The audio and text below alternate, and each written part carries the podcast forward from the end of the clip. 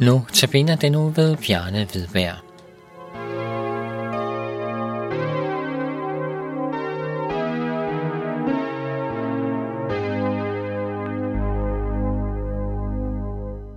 I Johannes evangeliet, kapitel 20, vers 15, læser vi. Jesus sagde til hende, Kvinde, hvorfor græder du? Det fortælles ofte i Nye Testamente, at Jesus møder mennesker. Det er spændende at lægge mærke til, hvad der sker. Hvem siger hvad?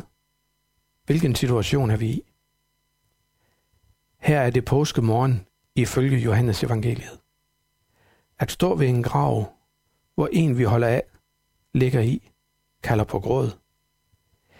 Jeg kan forestille mig, at det ville være endnu værre, hvis jeg kom efter begravelsen med en blomst, og så finder graven åbnet og kan se ned i resterne af kisten. Låget ligger brækket i stykker på nabograven. Så ville det, der gør ondt, blive endnu værre.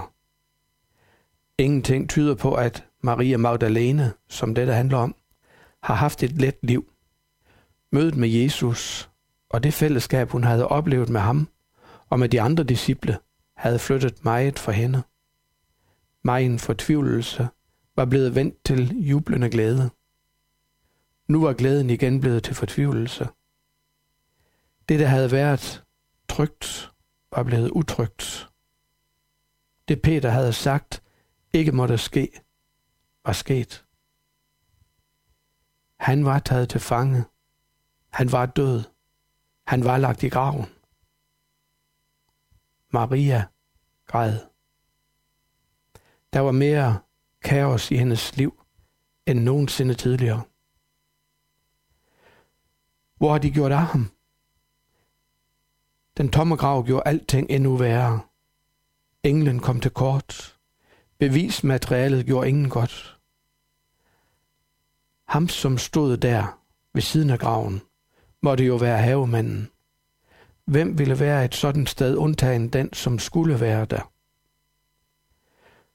I dette mørke hører hun så stemmen sige, Hvorfor græder du?